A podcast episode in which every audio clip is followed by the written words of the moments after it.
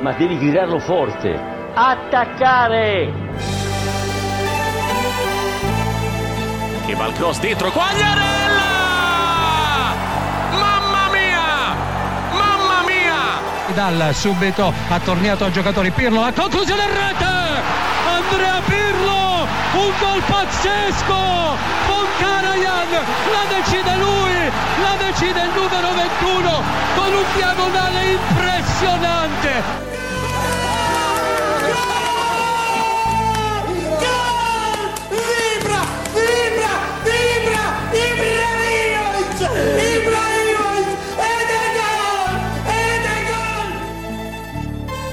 Wes, Goedemiddag. voor de verandering. Op een dinsdag. Op een dinsdag om kwart voor één en niet op dinsdagmorgen om eh, ja, 9 uur of 10 uur. Moet jij de is, NS eh, de schuld geven? Of? Nou ja, we hadden sowieso om eh 12 uur gepland staan. En toen wilde ik inderdaad met de trein naar Amsterdam komen. Maar lag alles eruit, Ja. helaas. Dus eh, gebracht. en eh, nou zitten we hier. Kwart papa. Haak? Ja, ja, ja, ja, ja. Ook wel eens lekker. Lang geleden hè? Dat, eh, dat dat gebeurde. Jeugdsentiment. Zo is het. Ehm, maar goed, kwart voor één. Lekker dagje voor de boeg. Gisteren een mooie dag gehad met eh, de FC Afkikken Deadline Day Show. Ik heb zitten kijken en er waren best wel wat transfers met Nederlanders die naar de Serie A gingen. Eh, daar gaan we het zo even over hebben. We gaan het natuurlijk ook over eh, de Coppa Italia halve finale tussen Inter en Juve van vanavond hebben. We kijken even terug op de Serie A van de afgelopen weekend. We hebben een column van Hans Otte voor het eerst vandaag. En eh, natuurlijk ook een eh, prachtige anekdote van eh, Juriaan van Wessem om en rond het duel van eh, Juventus met AS Roma van aankomend weekend. Ja, en dan zitten we alweer op het uur, eh Wes. Waarschijnlijk wel, ja. En we hebben maar een uur vandaag, want Neil Petersen zit al klaar in, eh, ja, de, Die zit wacht- in de startblokken. die wil, de eh. Die wil hierna. Ja, die wil je na. Dus eh, ja, vandaag sta- staat er echt een, eh, een harde deadline op. Kwart voor eh, twee goed, moeten we klaar zijn. Goed. Podcast online rond eh, drie uur, denk ik. En dan, eh, ja, dan kan iedereen door. Kan iedereen verder met zijn leven en met zijn dag. En hopelijk rijden de trein dan ook weer. Zirkzee naar Parma. Ja. Enthousiast over? Ja, toch wel. Eh, we hebben gisteren inderdaad in de, in de Transfer Deadline show ook even benoemd. Ehm, goed, het zat natuurlijk een beetje aan te komen. want Het was natuurlijk al een paar dagen dat, eh, dat erop werd gehind door die Marzio Fabrizio Romano, de bekende, de usual suspects. Maar goed, ik denk dat het toch voor hem een mooie stap is. Hij wilde het begin van het seizoen natuurlijk bij Bayern, wilde hij een beetje de concurrentie aangaan bij, eh, met Lewandowski. Ja goed, op zich is dat natuurlijk geen schande dat dat niet helemaal is, uit de verf is gekomen. Ehm, en goed, nu een andere oplossing. Ik denk dat het voor hem goed is. Want goed, bij Bayern was natuurlijk niet echt heel veel perspectief op veel minuten. En dan moet je bij Bayern 2 spelen. Ja, dat is natuurlijk ook iets minder, eh, iets minder interessant. En goed, hier krijgt hij waarschijnlijk wel gewoon eh, aardig wat minuten. Want uh, jij, had- Mm. jij zei natuurlijk ook van de week... De, zijn concurrenten Inglese en Cornelius vallen tegen. Allebei nog niet gescoord. Eh, en Graziano Pelle gaat ook die kant op. Dus dat is op zich... eh, Jarvinho speelt in de spits ook. ja, maar goed, dat is toch. Ik, ik, ik verwacht toch niet dat ze met, met zo'n bewegelijke. Het goed, zowel Zirkzee als Pelle zijn eigenlijk toch wel gewoon. Ja, echt centrumspitsen. Dus jij ziet Wel Parma... kapstokken. en ik denk eerder dat ja. Jervinho daaromheen zal spelen dan. Maar jij ziet Parma met een koppeltje Pelle uh, Zirkzee gaan spelen de rest van het seizoen. Of een van de twee. En, Ja. dan, en dan inderdaad met een Jervinho die er een beetje omheen danst met Caramo. Dat bedoel ik. Nou, Dat bedoel maar ik. goed, dus hij moet dan inderdaad... ik, eh, ik de ben de- echt sceptisch. Nee, maar goed, dan moet een beetje die concurrentiestrijd moet hij nu natuurlijk winnen van, eh, van Pelle. Maar goed, als jij aan het begin van het seizoen zegt ik pak Lewandowski wel Ja, ik, ik was gisteren ook nog even, even skypen met ze en ik zei precies hetzelfde. Als jij als, als je Zirkzee bent en je speelt bij Bayern, je hebt gezegd dat je de concurrentiestrijd met Lewandowski aan wil gaan, niet naar Parma gaat omdat Pelle er naartoe gaat. Pelle die een paar jaar in China heeft, eh, China heeft gespeeld. laatste wedstrijd was in mei geloof ik. Laatste wedstrijd in mei eigenlijk nooit in Italië gepresteerd. Zijn enige doelpunt eh, in de Serie A is ook alweer negen jaar geleden, geloof ik. Ehm, nou ja, dan, zou ik, als ik Zirkzee was, ook wel denken dat, dat je die concurrentiestrijd kan winnen. Het, het punt is een beetje dat als je naar de historie kijkt in de Serie A... en dan even bekijkt wat de degradatiekandidaten telkens doen... Ja, dat ze echt zelden aankomen trainen met een spits die nog nooit ergens basis heeft gestaan... eh, nog nooit ergens echt heeft gepresteerd... Ehm, en dat ze dan durven vertrouwen dat hij eh, die doelpunten gaat maken. Of die doelpunten wel gaat maken. Die, die Cornelius en eh, Cornelius en Inglese niet hebben gemaakt. Ik denk dat het heel moeilijk wordt voor Zirkzee. ze huren hem voor een half jaar met een optie tot de koop van, eh, van 15 miljoen. Parma op dit moment ja, gewoon niet zo goed bezig. Staan volgens mij onder de streep. Ja. Eh, 19e met eh, 13 punten uit 20 wedstrijden. Hebben heel weinig gescoord. Namelijk maar 14 keer in die 13 duels. Ja, Het is niet de makkelijkste Nee, omgeving om het nee, te doen. Maar goed, nee. wat- gisteren wat we, wat we hier ook zeiden, er zijn best wel wat... Ik denk dat Parma als een van de weinige ploegen best wel flink erop vooruit is gegaan als je kijkt wat die binnen hebben gehaald. Dennis Eh, Mann ook, een talent. Dennis Mann inderdaad uit Roemenië, die, eh, die het daar heel goed heeft gedaan. Dus die moet zorgen voor de aanvoer. En met Pelle en Zirkzee hou je normaal gezien toch minimaal 10 doelpunten. Nog een centrale verdediger, Bani. Ja, eh, eh, eh, ik vind het moeilijk. Ik, ik denk dat dit een typische degradatiekandidaat is. Die eh, op grote namen inzet. Die denkt, oké, Pelle heeft in de Premier League gespeeld. Heeft eh, eh, met Italië op het EK 2016 best oké gespeeld. Tot de penalty tegen Duitsland. En eh Zirkzee is een talent van Bayern. Heeft daar vorig jaar best wat minuten gemaakt. Weet je wat, we doen het gewoon. En we gaan kijken of die hier kan presteren. Ehm, alleen meestal, en, en als je dan kijkt naar de teams die dat ook hebben gedaan in het verleden, en dan noem ik Benevento van een aantal seizoenen terug, ik geloof het seizoen eh 17, 18, die dat precies hetzelfde deden met Sanja, met eh, Sandro, de middenvelder, eh, met wat andere namen die, die, die ja, qua naam groot waren, maar voetballend gezien niet, niet zo super fantastisch waren om degradatievoetbal te spelen in Italië. Ehm, ben ik nogal sceptisch dat dit een, een, een, een Parma is dat zich gaat handhaven. En dan gaat Zirkzee terug naar Ja. Bayern, want die 15 miljoen gaat zeker niet door een Serie B-ploeg worden betaald. Tenzij eh, die er eh, 20 inschiet en ze hem Goed. direct door kunnen verkopen. maar ja, laten we, we niet op de zaken vooruit lopen. Eh, en dan hebben we ook nog Jaden Braaf. Eh, een eh, speler van Manchester City, linksvoor. Eh en die wordt eh, gehuurd door Udinese. Udinese dat in een eh 3-5-2 speelt, zonder linksvoor. Nou ja, ga er maar het aan staan. ja, goed. Het was eh, afgelopen weekend Udinese speelde tegen. Moet je me even helpen, denk ik. Eh, Udinese speelde tegen Spezia. Ah, tegen Spezia. Goed, hoe kan ik die vergeten? Ja, Eh, en toen werd, Jouw toen nog. voorafgaand aan de, aan de wedstrijd werd toen trainer eh, Gotti werd toen geïnterviewd. Ehm, en toen werd het gezegd van ja, jullie zijn nu in verband gebracht inderdaad met Jaden Braaf, ken hem goed? En Gotti zei toen inderdaad van nou, ik heb een paar video's van hem gezien en eh, op basis daarvan, van zijn techniek en zijn snelheid, ben ik echt extreem onder, onder de indruk. En toen werd een beetje doorgevraagd en toen ja, bleek dat ook wel een beetje de, zeg maar de diepgang die die, die, die Ja. wist. Hij wist er eigenlijk Ja. verder niet heel veel van. Maar goed, hij gaat dus Udinese. Ze hebben toch een soort van optieachtig iets eh, nog bedongen op het laatste moment. Ehm, maar goed, ja, op zich Nederlanders bij Udinese hebben natuurlijk best wel een flink, ja, een flink rijtje gehad de laatste jaren. Dus hopelijk is hij ook iemand die dan daar toch... En die worden daar wel goed be- begeleid. Hè? Als jij een jonge speler bent en je gaat naar Italië. Hetzelfde geldt voor Circus bij Parma hoor. Maar dan moet je goed worden begeleid. Want bijna niemand spreekt Engels. Nog steeds niet. Eh, de trainer spreekt geen Engels. Eh, je komt in een nieuw land. Een, land dat niet per se open staat voor, voor nieuwe jongens. Eh, laat staan als je, als je een kleurtje hebt. Wat, wat allebei die jongens hebben. Dan, dan is het moeilijk om, om daar perfect en snel en goed te aarden. Ehm, nou ja, dat, dat, dat, dat kan best wel wat problemen met zich meebrengen. Bij Udinese begeleiden ze die spelers dan wel goed. En bij Parma weet ik dat niet. Nou goed, die hebben nu een Amerikaanse eigenaar, dus die zullen in ieder geval Engels kunnen spreken daar dat inmiddels. is toch een maar- mooi verhaal. Die, die Ja. eigenaar die presenteert alle, alle pre- ja, die presenteert alle aankopen als allereerst. En die staat altijd zelf ook eh, op de foto. Beetje net als de Laurentiis. die Ja, dat ook ja, e- exact, exact Ja. in dat rijtje inderdaad. Maar terug naar Udinese. Die Ja. spelers worden goed begeleid. Ze hebben een talencoach. Eh, ze hebben een, een geschiedenis met het opleiden van jonge spelers. Als je kijkt naar de afgelopen 10, 15 jaar. Eh, ondertussen is het niveau wat gedaald, maar het lukt ze wel vaak om die, eh, die spelers te laten rijpen en, en een kans te geven. Dus wat dat betreft zit je op de goede plek. Het jammer is, is dat Udinese ook tegen degradatie vecht. Het ook niet goed doet. En dat zij ook geen ruimte hebben om een talent als Braaf tijd te gunnen om zich te ontwikkelen daar. En als ik me niet vergis, hebben ook zij een optie tot koop. Eh, wordt eerst een half jaar gehuurd, dus van City. En eh, dan gaan ze in een half jaar bekijken wat Braaf kan. En of hij misschien als tweede spits kan, eh, kan gaan spelen. Naast Jorente, die ze ook hebben gehaald van Napoli. Ja, goed. In de afgelopen tegen Spezia die wedstrijd speelde Delofeo speelde in de basis. Die stond ook als een soort Ja. spitsachtig iets. Maar dat goed, dat is van nature natuurlijk ook wel een buitenspeler. Dus Dat was wel omdat wordt er een soort van mouw aangepast. Lasagna was al verkocht aan Verona. En Jorente was nog niet fit genoeg om direct te starten. Dus ze hadden geen andere spits. Okaka geblesteerd.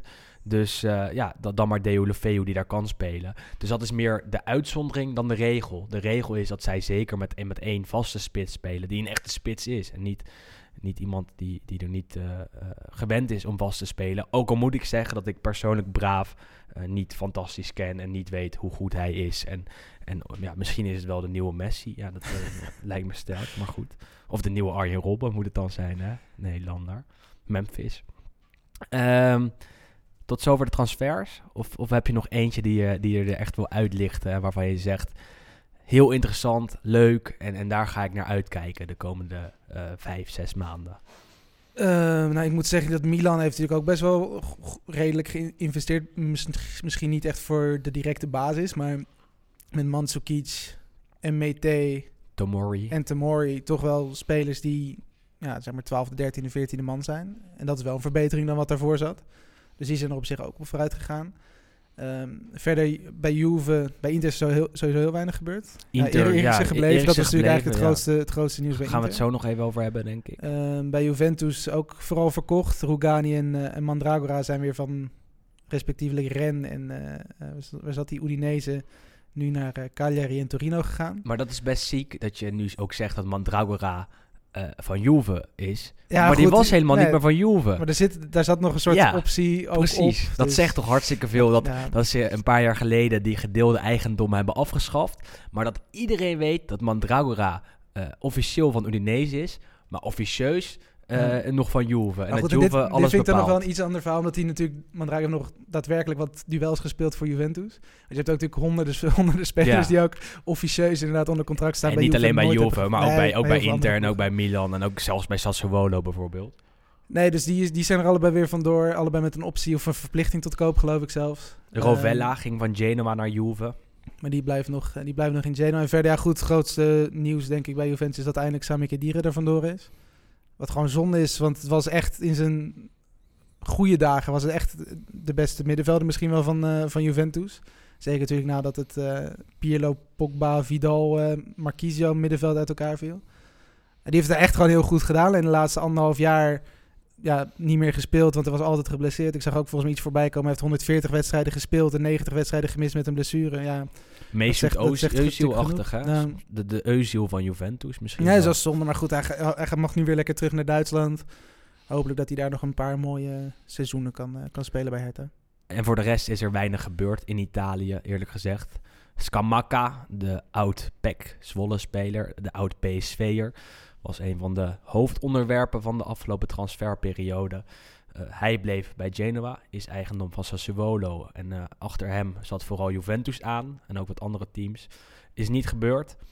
Slecht nieuws voor Sam Lammers, die nog steeds bij Atalanta zit, niet eh, kon wegkomen. Want ja, de trainer Gasperini wil toch wat breedte in de selectie houden.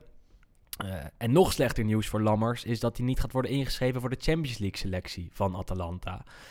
Eh, dus eh, er is niet heel veel perspectief voor hem op beter. Eh, als ik hem was, ja, dan zou ik daar toch van balen. En, en had ik toch gehoopt om te worden verhuurd aan een team als Parma, als eh, Sampdoria, als Genoa, waar je eventueel speeltijd had, had gekregen. En als we het ja, transferblokje dan afsluiten en we het toch al over Genoa hebben, is het denk ik tijd om naar onze nieuwe columnist te gaan. Hans Otte, de voorzitter van eh, de Nederlandse fanclub van Genoa. Die gaat eh, ja, vanaf nu één keer per maand de degradatiestrijd met ons doornemen. En eh, dit keer heeft hij het over het Italiaanse Frits Korbach effect.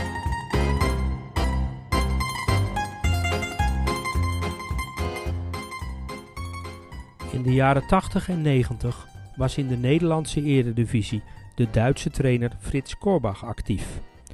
Frits Korbach werd meestal pas gedurende een seizoen ingehuurd door een club om een crisis het hoofd te bieden. Omdat clubs vaak snel punten gingen halen nadat Frits was aangesteld, wordt er in Nederland dan ook wel gesproken van het Frits Korbach effect.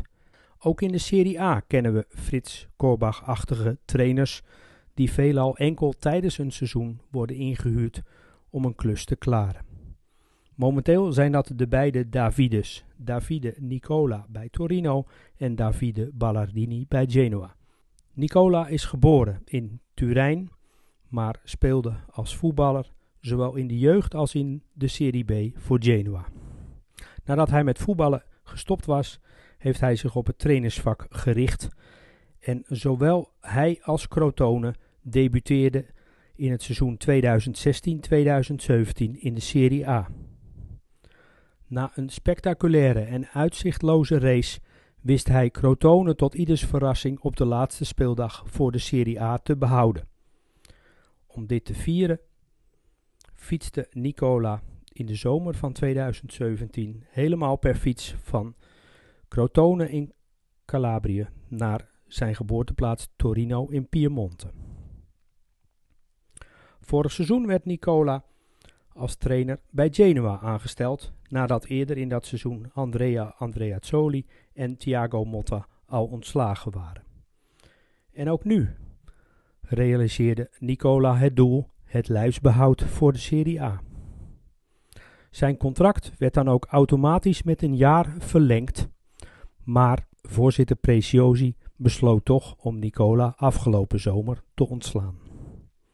Lang zat Nicola echter niet aan de kant, want onlangs volgde hij Marco Giampaolo op bij Torino. De andere Davide is Davide Ballardini en dat is, die is misschien wel het beste te vergelijken met Frits Korbach. Ook hij is razend populair bij de fans en wordt door de Genoa supporters Zio Balla, oftewel Oom Balla genoemd. Ballardini kwam voor de eerste keer in het seizoen 2010-2011 bij Genoa om Giampiero Gasperini, de huidige coach van Atalanta, op te volgen. Ballardini deed het prima en eindigde in de middenmoot, maar in de zomer werd zijn contract verbroken. In januari 2013 stapte hij tussentijds wederom in bij Genoa als opvolger van Luigi Del Neri. En ook nu wist hij Genoa te behouden voor de Serie A. In 2017-2018 volgde hij tijdens het seizoen Ivan Juric, de huidige succesvolle coach van Verona, op. En ondanks dat Genoa op de 18e plaats stond toen Ballardini binnenkwam, eindigde hij uiteindelijk keurig op de 12e plek, zes punten boven de degradatiestreep. Na dat seizoen, in de zomer van 2018, ging hij er dan ook vanuit dat hij trainer van Genoa kon blijven en ook een keer aan een seizoen kon starten. Niets was echter minder waar. Voorzitter Preciosi koos voor Ivan Juric, juist de voorganger van Ballardini, die hij had opgevolgd omdat het zo slecht ging. Voor Ballardini onbegrijpelijk. Een jaar later, in december 2019, weigerde Ballardini dan ook om wederom in te stappen, toen Preciosi hem daarom vroeg. Dit heeft hem veel populariteit onder de fans van Genoa opgeleverd. Dit seizoen is het echter wederom raak. Op het moment dat Rolando Maran faalde, werd Ballardini voor de vierde maal ingehuurd en deze maal hapte hij wel toe en hij is uiterst voortvarend van start gegaan.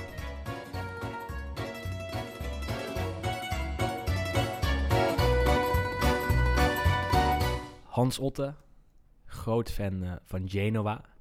En als je op dit moment fan van Genoa bent, dan eh, heb je het goed naar je zin. Want eh, het gaat daar de afgelopen periode absoluut heel erg goed. Davide Ballardini werd eh, twee maanden geleden aangesteld.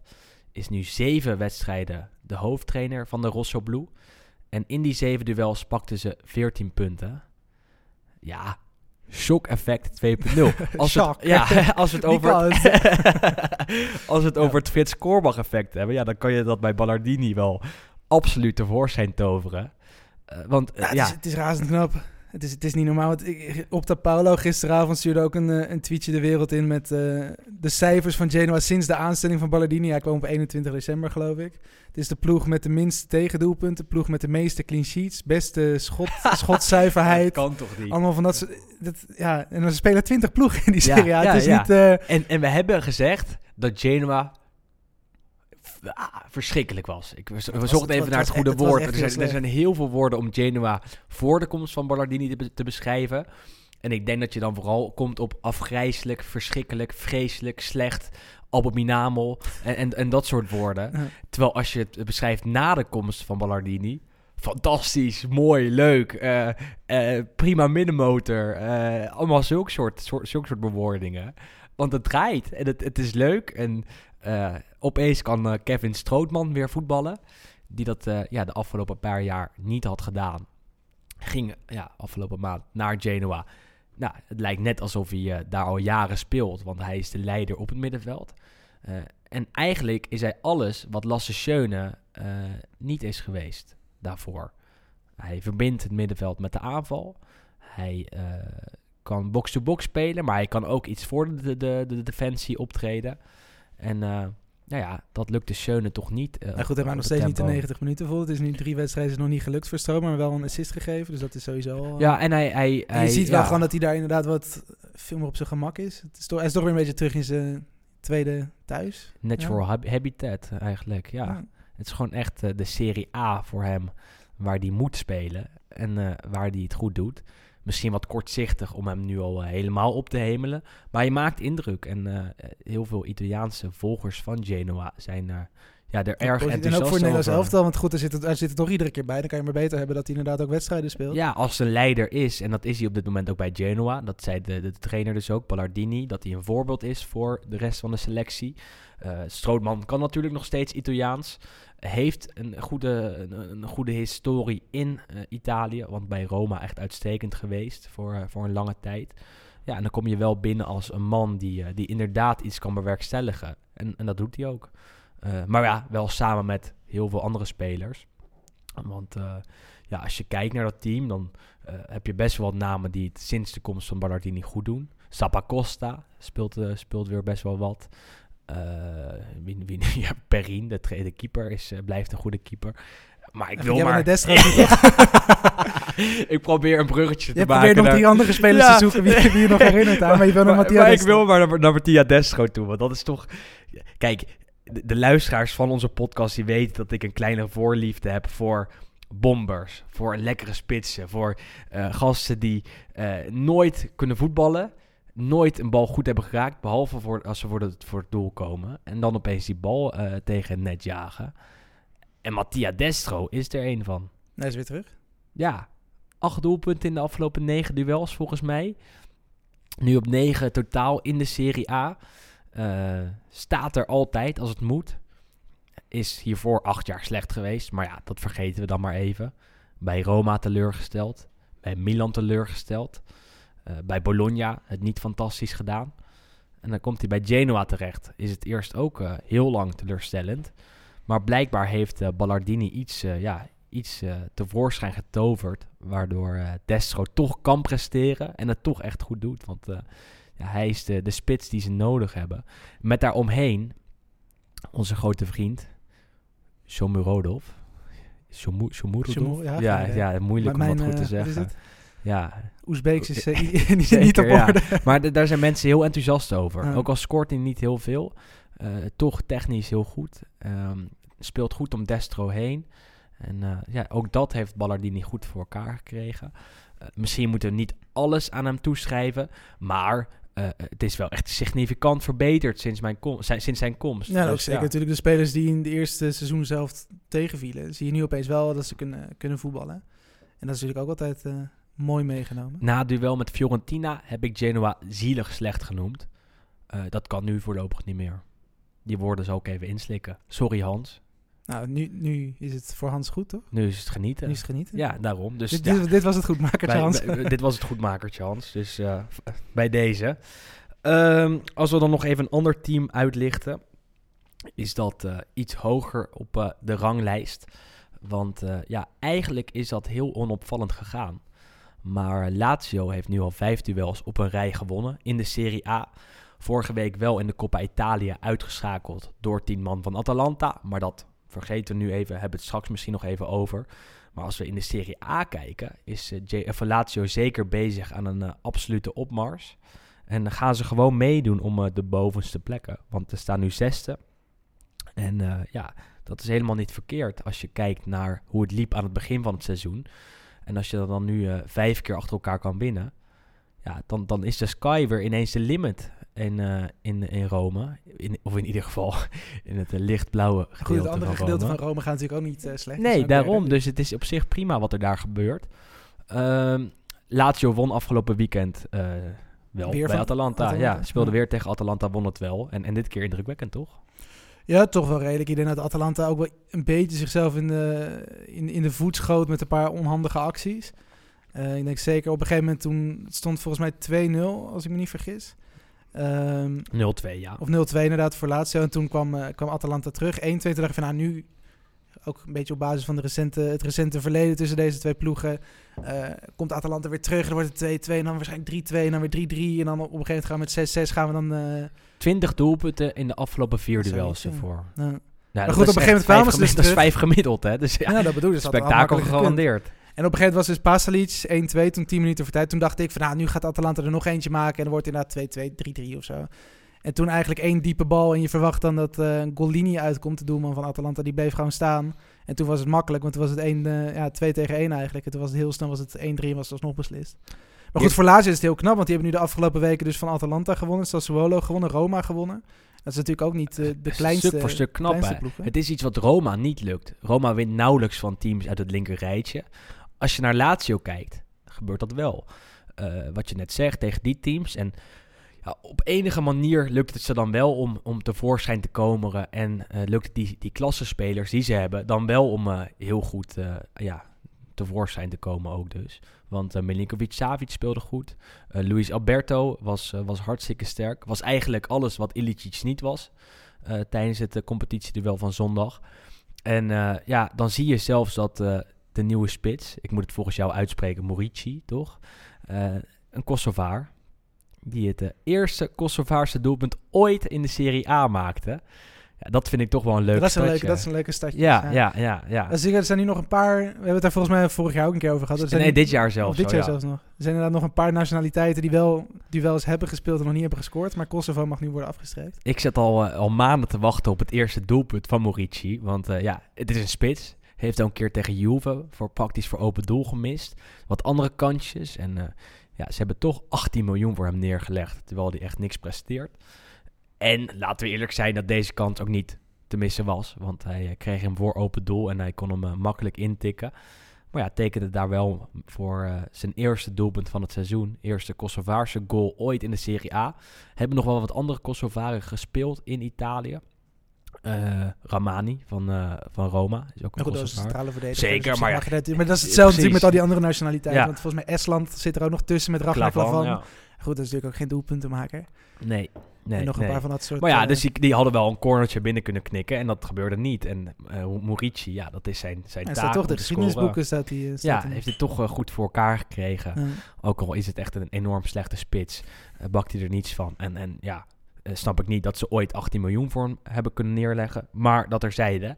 Lazio draait goed. Ehm, maar goed, dat is eigenlijk Ja. wat je zegt. Want Lazio is vooral natuurlijk in de... Als je het ver- een vergelijking probeert te maken met Roma...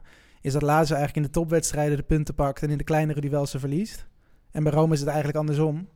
Dit Ja. seizoen. En die, die, die, nou, dit keer eh, speelden zij tegen Verona. Eh, en dan denk je, en dat hebben we ook vorige week gezegd, dat ze het lastig gaan krijgen. Dat er toch een, een redelijk moeilijk speelschema eh ze te wachten staat. Maar het ging makkelijk. En ja, ze stonden echt al heel snel met 2-0 voor. Een 3-0 zelfs al? Ja, eigenlijk met 3-0, wat was het, ja. 30, 40 minuten? Ja, het werd, het werd, het werd 1-0 Werd 3-1 en toen direct 2-0. uiteindelijk. Ja, Ja, ja. en, en, ehm, en, en zij hebben ook klassenspelers. En dat moeten we ook niet vergeten. Want eh Mkhitaryan is, is echt heel erg goed dit jaar. Die haalt echt hele hoge cijfers. Die heeft volgens mij al, al negen keer gescoord en acht assists. Of, of andersom. Eh, het doelpunt tegen Verona was intelligent.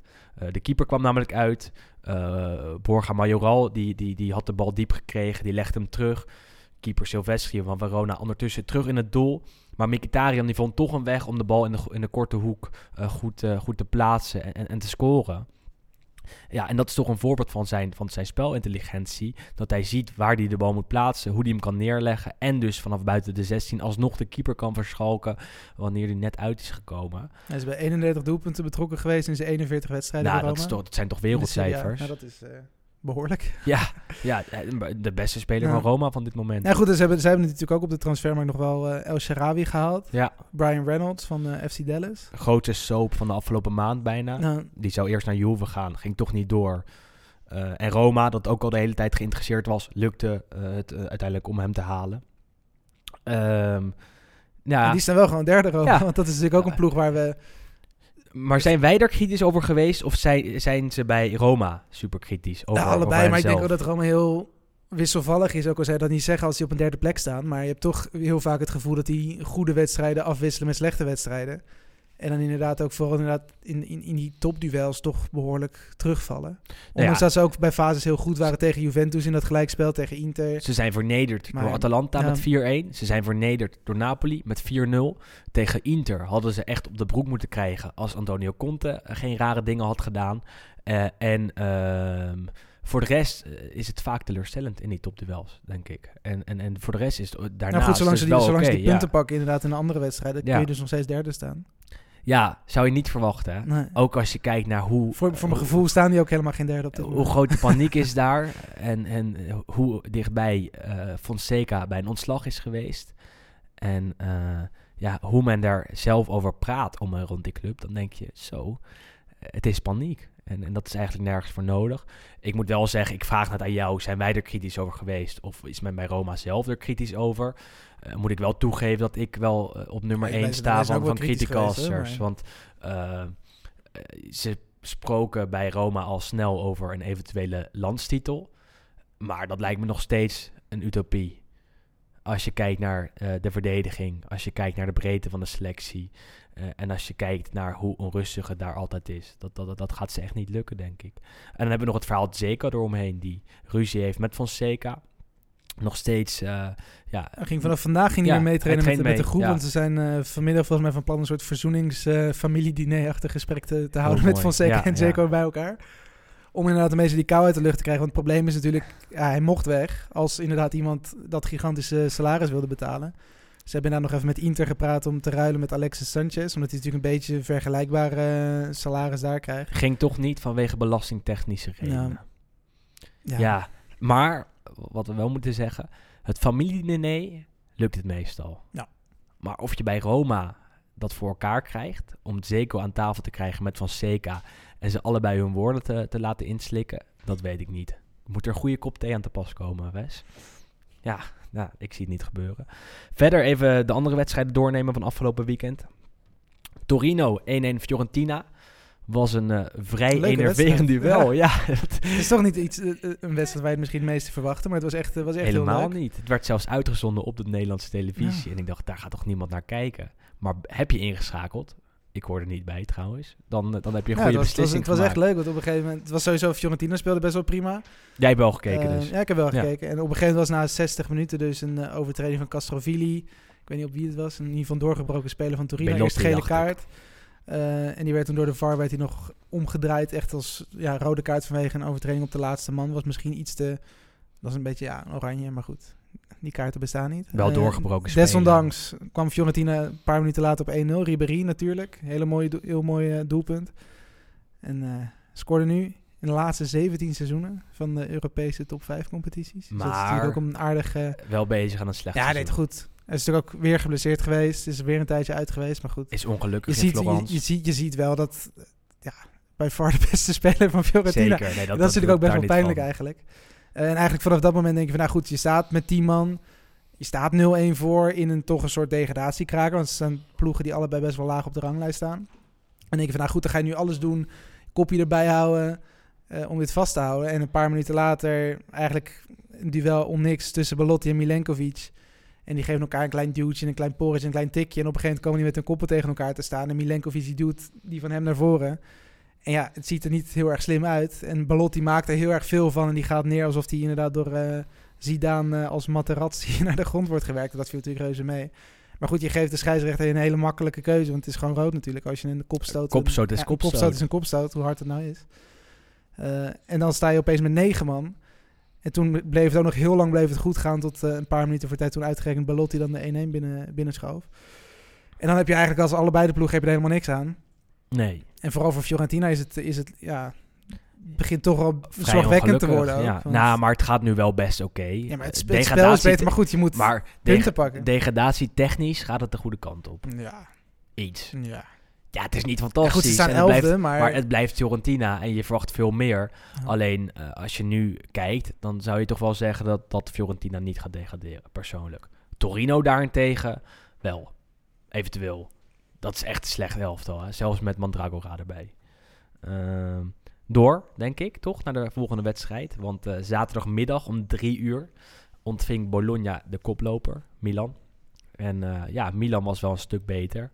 Eh, had veel kansen, zette vroeg druk. Ibra kwam een paar keer langs, wilde al vroeg een pingel, kreeg die niet. Maar even later ging de bal wel op de stip. Terecht, overtreding van Mitchell Dijks, die eh, ja, iemand van Milan aan het shirtje trok. Ik geloof dat het Rebic was. Penalty, Milan, de dertiende van het seizoen. En eh, ja, tweede helft maakte de aankoop van de Bologna. eh Sumauro. Adama Sumaoro. Ja, precies. Die maakte twee keer hands in één actie.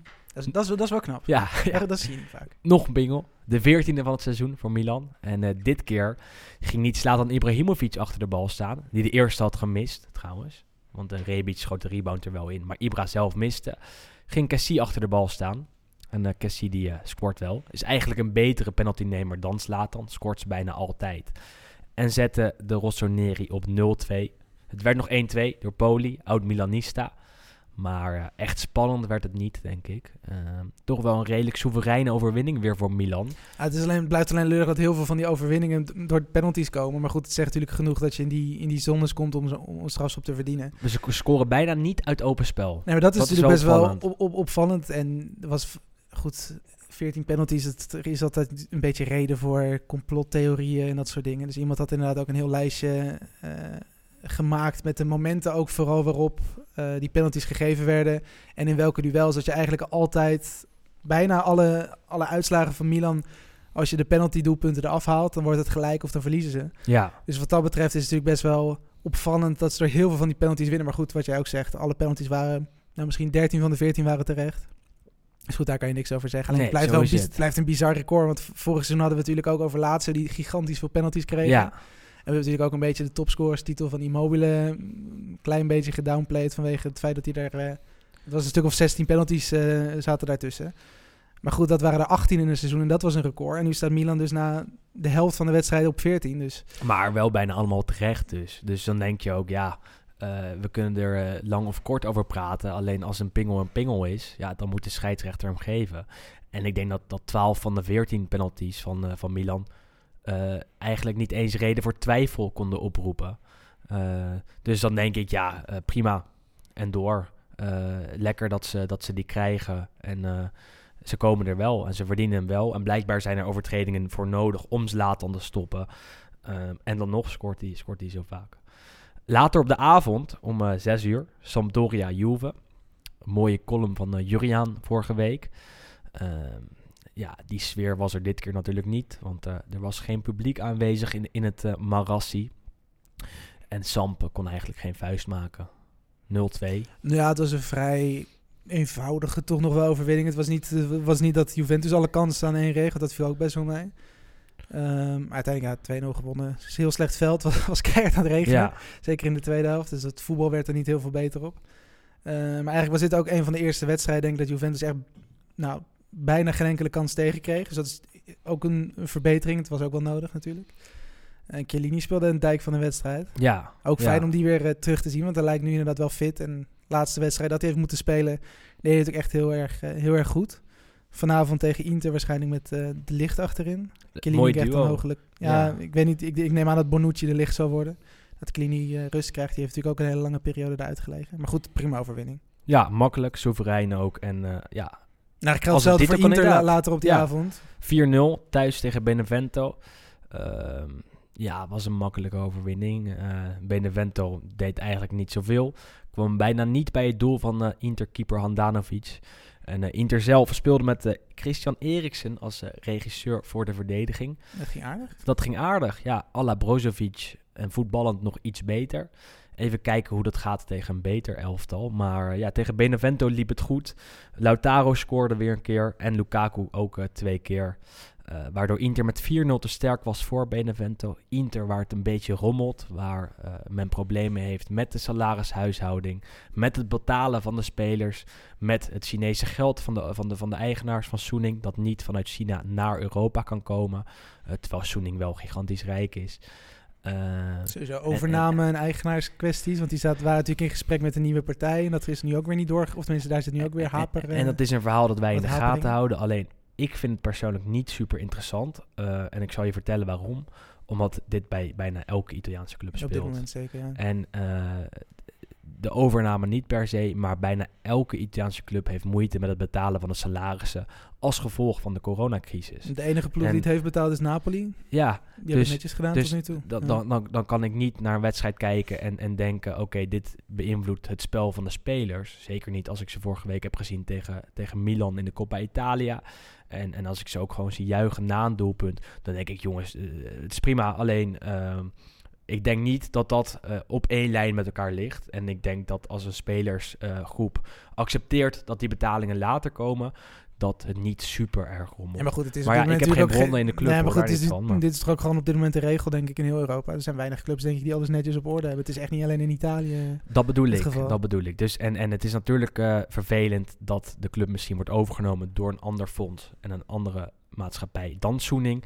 Alleen ook dat is iets wat, wat niet per se in de spelersgroep speelt. En als je dan kijkt naar een 4-0 overwinning tegen Benevento, dan, eh, ja, dan zal het allemaal wel meevallen, denk ik. Maar who knows? Hè? Niemand weet het echt, want je ziet ook in de Italiaanse pers dat, eh, ja, dat er heel veel tegenstrijdige berichten over zijn. Gisteren zie je eerst dat er een maatschappij is die Inter wil hervormen en dat ze een eh, plan alle Atalanta met de club hebben.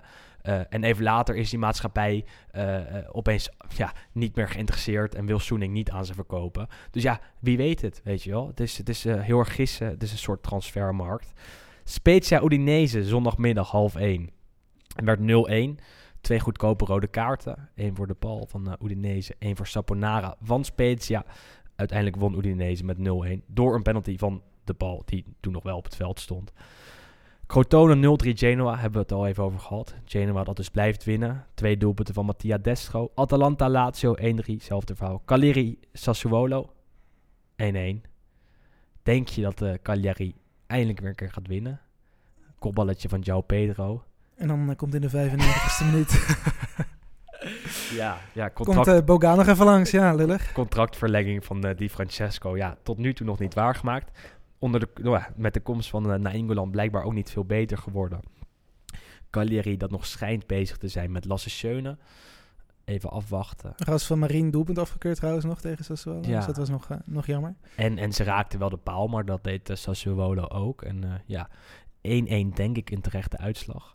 Napoli won met 2-0 van Parma. Napoli waar het ook een beetje onrustig is. Er schijnt de afgelopen weken gesproken te zijn met de andere managers. Met uh, Maurizio Sarri zelfs, die in het verleden ook trainer van, uh, van de club was. En ook met, met wie, wie was nog meer? Met Benitez. Uh, want Gattuso's plek is niet helemaal zeker meer na een uh, reeks slechte resultaten. Bah, slecht, wisselvallig vooral. Wisselvallig, ja. ja. En toen wonnen ze wel weer met 2-0 van Parma, wat ook wel mag natuurlijk. Uh, en toen zei Gattuso na afloop dat hij ja, erg blij is bij Napoli, maar nog wel ontevreden is over het feit dat het zo rommelt. En dat, we, dat weet hij, uh, verweet hij, de Laurentiis, de eigenaar, uh, openlijk. Ja, en terecht toch. Ik bedoel, van de alle voorzitters in de Serie A is denk ik misschien de Laurentiis wel de grootste... Nou, eikel, hoe de grootste noemen? Ja. ik, denk, ik denk dat je er heel, ja. ik denk dat je Dus- heel veel van dat soort plakkers op kan, eh, op, Ja, op kan ja. plakken. Clown, ja zeker. pagliaccio. Ja, ja, ja dat, dat is het wel. Ja. Ja. en eh, ja, Gattuso doet het aardig en heeft het lang heel goed gedaan. Het gaat nu wat minder, ook door wat pech met blessures. Ozyman lang afwezig geweest. Hebben het al vaker over gehad. Ehm, ja, voor hen is het doel denk ik om in de top 4 te eindigen. goed, ook dat weet je, want ze staan nu vijfde met nog een wedstrijd te goed. Tegen en- Juve wel, maar... Ja, goed. En dan, maar als stel ze winnen, die staan ze ook gewoon op 40 punten, dan staan ze derde. Dus dan, Ja, is er niet ja, aan ik zeg het elke week, maar ik, ik snap niet nu dat eh, vooral bij die, in, de, in de top al die trainers nu worden afgerekend op één keer een gelijk spelletje en dan een keer eh, verliezen. Want iedereen doet dat. Ik er is geen enkele ploeg die... eh, Bij Napoli hoopt men gewoon mee te doen om de titel. En, en zeker nadat ze afgelopen zomer veel geld hebben uitgegeven aan, aan, ja, aan winsten, aan nieuwe spelers. En eh, ik denk dat de Laurentis daar, daar zeker zo over denkt dat ze met dit team mee kunnen doen om de Scudetto. Maar dan bekijk je het elftal en dan is het echt wel uitstekend. Alleen ik denk eh, niet beter dan Inter, niet beter dan Juve. Wellicht beter dan Milan, maar ja, dat, daar loopt het gewoon op het moment gewoon hartstikke goed. Eh, ehm, en wel beter dan Roma. Nou, dan schouw je het in, dan kijk je eventjes. Zouden ze vierde moeten worden. En alles wat ze daarboven eindigen is mooi meegenomen. Je kan niet verwachten dat Napoli het hele seizoen om de titel gaat strijden, denk ik. Zeker niet als je bekijkt hoeveel geblesseerde spelers ze al hebben gehad eh, de afgelopen maanden. Ehm, ja, en, en dan, dan, dan is dit echt prima. goed, Gattuso zal nog wel even blijven, toch? Ik denk tot het einde van het seizoen en dat het daarna klaar is. Eh Gattuso is een echte man, hè? Het is ook iemand die, die accepteert het niet inderdaad Nee. als er aan zijn stoel wordt... Hij, hij- Gattuso kan geen nep spelletje spelen. Nee. Gattuso houdt niet van politiek. Gattuso zegt waar het op staat en dat doet hij altijd. En dat doet hij al zijn hele leven. Als hij niet tevreden is over de Laurentis, zegt hij dat gewoon voor de camera's van Sky Sport. Dat gaat hem niet in dank worden afgenomen, denk ik. Sometimes maybe good. Sometimes maybe shit. Zo is het, ja. En, en nou, maybe a bit shit. Eh, Roma won later op de avond om kwart voor negen met 3-1 van Verona. En dat was eh, ja, de competitieronde van afgelopen week. Roma al even over gehad natuurlijk. Aankomend weekend speelt Roma tegen Juve in de competitie. En eh Juriaan van Wessem die bekeek zoals altijd naar, ja, die bekeek een oude versie van dat duel.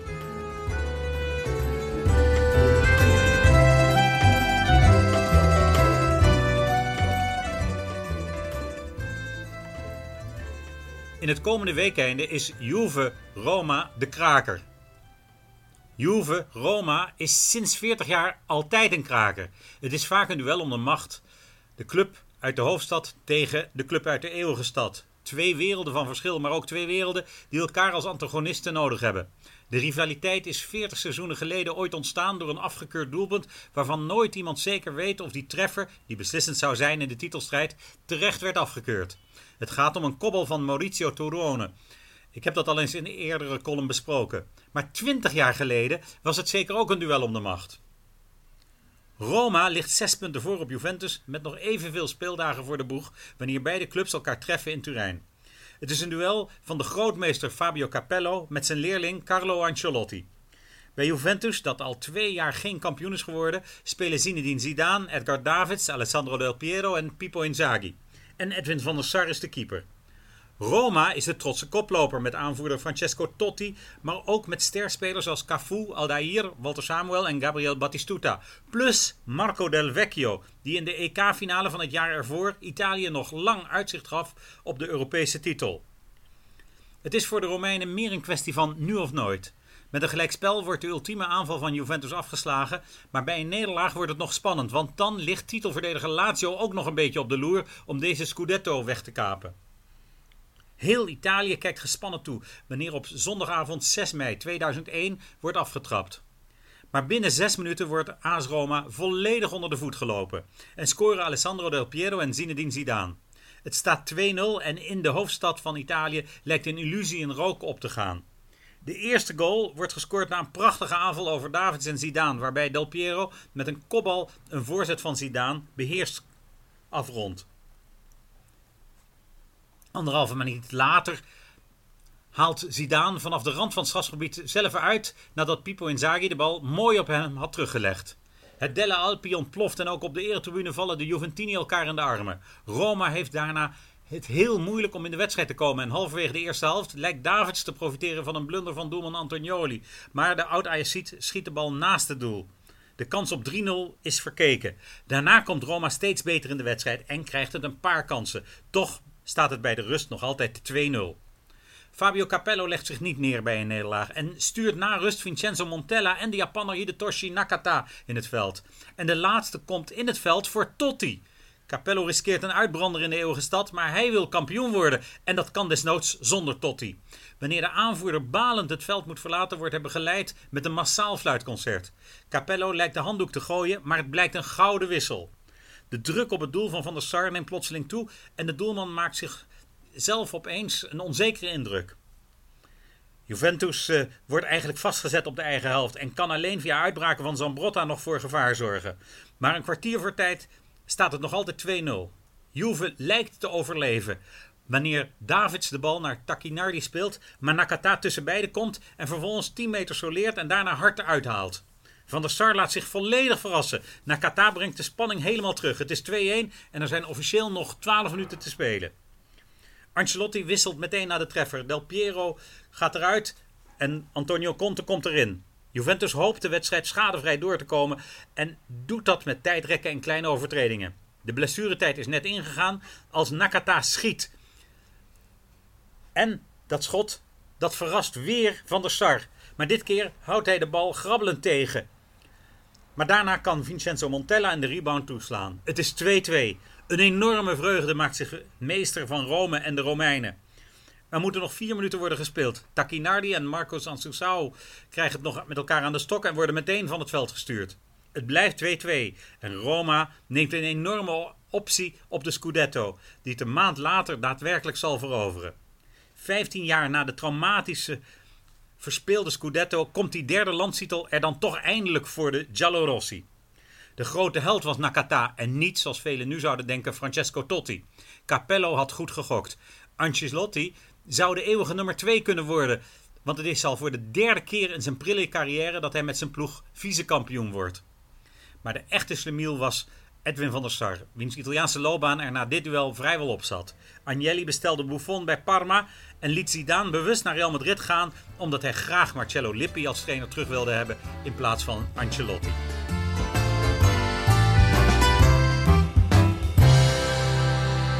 Ja, een prima speelronde voor de boeg, denk ik. Toch wel wat leuke potjes.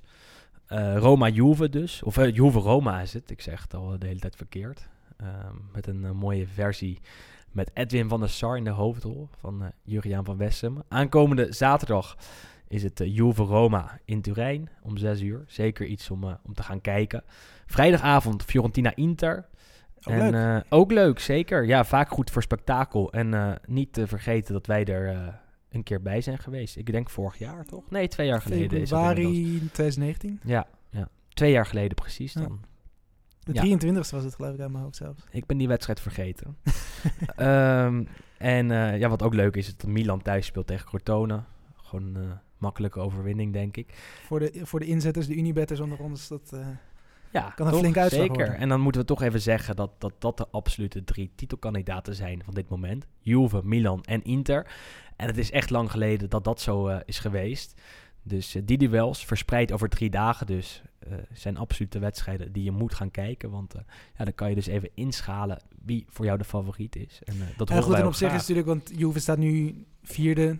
Maar je ziet inderdaad wel dat er iets meer stabiliteit ook daar is. En bij Milan en Inter zag je dat natuurlijk al. Ja, dus eigenlijk om die reden dat dat dan toch wel inderdaad de drie grootste kanshebbers zijn. Maar goed, ja, wie weet wat er de komende weken nog gaat gebeuren. Daarom. En, en Juve heeft eh, toch de weg omhoog ingezet. En eh, ja, Roma staat er nog tussen. Maar laten we eerlijk zijn. En dat hebben we net al gezegd.